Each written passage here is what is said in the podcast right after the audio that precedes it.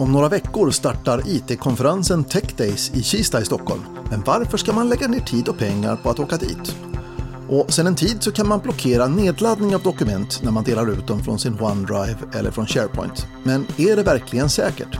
Svaren på det här och nyheter om Office 365 är innehållet i det här avsnittet av Office 365-podden. Det är jag som är Mats Warnhoff.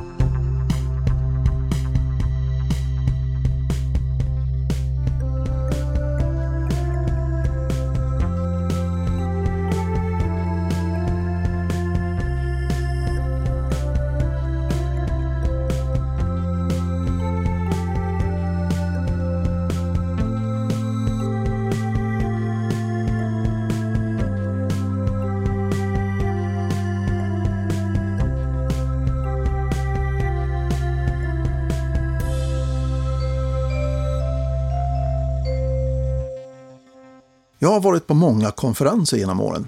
De flesta av dem IT och teknikkonferenser. Novell Brainshare i Salt Lake City för 20 år sedan var min första och sedan dess har det varit eh, Techet i Barcelona, Amsterdam, eh, Cloud Summit i Köpenhamn och så vidare och så vidare och så vidare. Det finns många typer av sådana här IT och teknikkonferenser. I vissa branscher finns det specifika IT-konferenser som naturligtvis då blir väldigt eh, trevliga för de blir så fokuserade på just ens ämnesområde och just inom den verksamhet som man håller på med. Och så kan man då nätverka med kollegor och partners inom just ens gebit. Och utbildningsbranschen det är ju ett exempel på en sån bransch. Vissa företag är så stora att de kan ha egna interna konferenser som blir väldigt fokuserade och det är ju tyvärr få förunnat att kunna jobba på den sortens företag, för den typen av konferenser är också väldigt roliga. Men ämnesspecifika konferenser, det är nog ändå det vanligaste. Och det är den sortens konferenser de flesta av oss åker på. Microsoft Ignite, eller Amazon AVS Global Summit, eller Google Cloud Summit och så vidare. Det här är ju företag vars teknik är så populära att konferenserna blir både teknik och på ett sätt företagsspecifika. En av mina favoritkonferenser hade följande slogan förra året. Learn, Connect, Be Inspired. Och det är mycket av vad det handlar om för mig. Jag tycker att nätverkandet är ett av de viktigaste anledningarna till att åka på konferens. Ofta så är det både lätta och avancerade föreläsningar. En del ämnen är på ens eget expert eller fokusområde och andra ligger i kanterna av vad man pysslar med och en del är helt utanför. Så det gäller ju då att välja rätt nivå på den föreläsning som man går på. Man lär sig ofta väldigt mycket på de här konferenserna. Finns det nackdelar då? Ja, såklart det finns nackdelar. En av de resorna. Ibland är det kul att resa när det är på kul platser, men för det mesta så hinner man inte se så mycket av orten som man är på. Och det är ju lite trist. Framförallt just om man är på en kul plats. Det är oftast intensivt. Det är många föreläsningar att gå på och man kan bli rätt seg i huvudet redan efter första dagen. Det är mycket stå och gå som man får satsa på att ha bekväma snarare än snygga skor. Och det är inte gratis. Kostnaderna för resan, hotellet och deltagaravgifter kan vara stora och det kan vara svårt att övertala sin arbetsgivare att okeja det. Men sen är du ju också borta från arbetet och hjälper kanske inte till att dra in pengar till företaget medan konferensen pågår. Så vad är då argumenten för? Ja, för mig är inspirationen helt avgörande. Jag får nya idéer, ny förståelse för både kunder och kollegors sätt att tänka och jag kommer hem trött men väldigt taggad. Sen skapar man också mycket nya kontakter. Oerhört mycket nya kontakter om man bara törs prata med människorna omkring sig. Framtida kunder, leverantörer och kollegor finns hela tiden runt dig på de här konferenserna. Här finns också ämnesexperter som ofta är de som talar på föreläsningarna. Människor som så att säga äger produkter och den teknik som man håller på med och som kanske driver utvecklingen av den här tekniken. Man kan få direkt kontakt med de som vet mest om tekniken, till exempel i ett projekt som man jobbar i just nu. Den arbetsgivare som förstår vad en konferens av det här slaget kan tillföra för företaget när man skickar rätt person tycker naturligtvis att det är självklart att man ska delta. Mina favoritkonferenser är givetvis Microsoft-konferenser. Det är ju den teknik jag har valt att specialisera mig på. Konferenser som Microsoft Ignite, European SharePoint Conference, Microsoft Inspire eller varför inte den svenska Microsoft Tech Days som går i Stockholm varje år.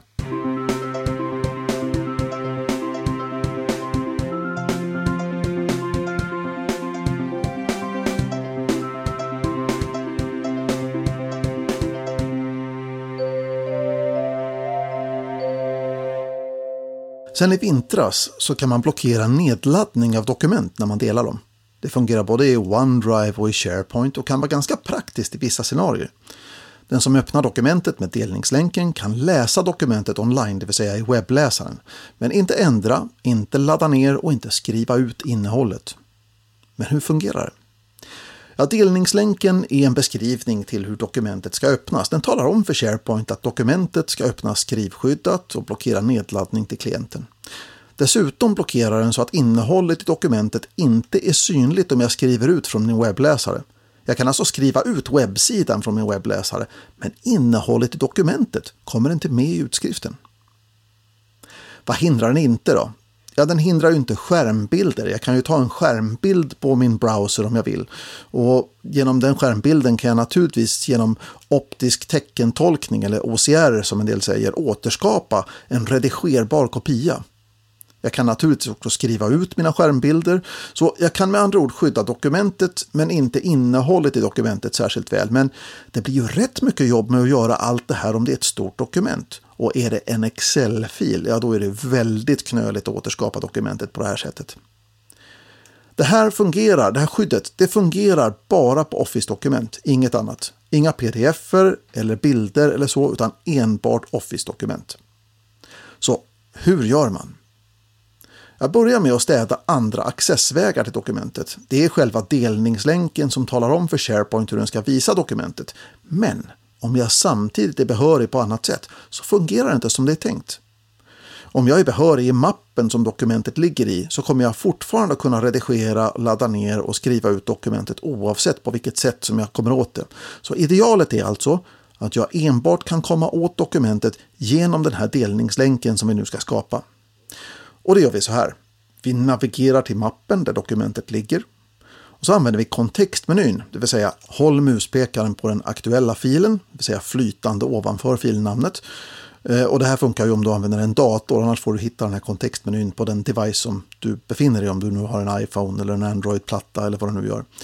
Så klicka på share-ikonen som nu blir synlig till höger om filens namn.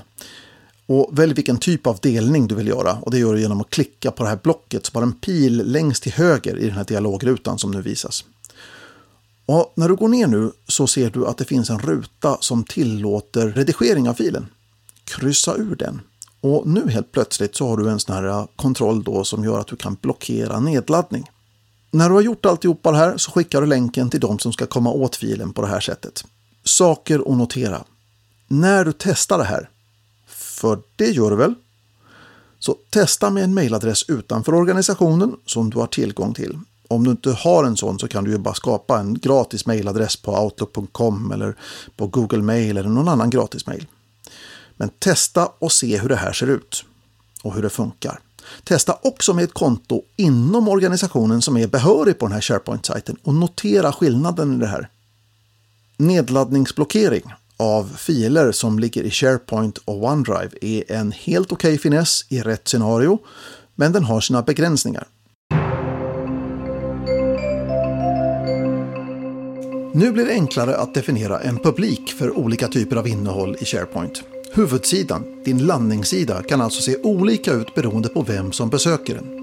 När du skapar en innehållssida eller nyhetsartikel så kan du nu specificera vilka grupper av användare som är tänkt huvudpublik för det här innehållet. Så istället för att skapa separata sajter för respektive publik så kan du nu lyfta fram rätt innehåll på en och samma sajt istället.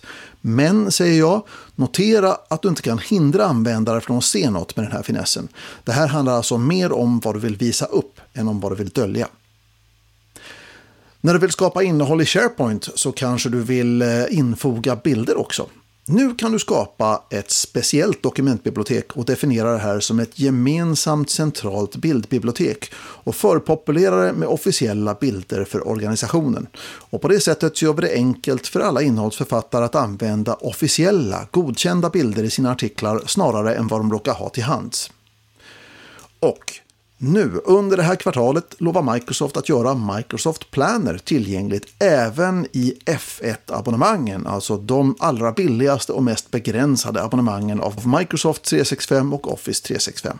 Nu i oktober kommer en massiv förändring av licensiering för både Power Apps och Microsoft Flow. Mer information kommer faktiskt i Office 365-podden i nästa avsnitt. Och det var nyheterna.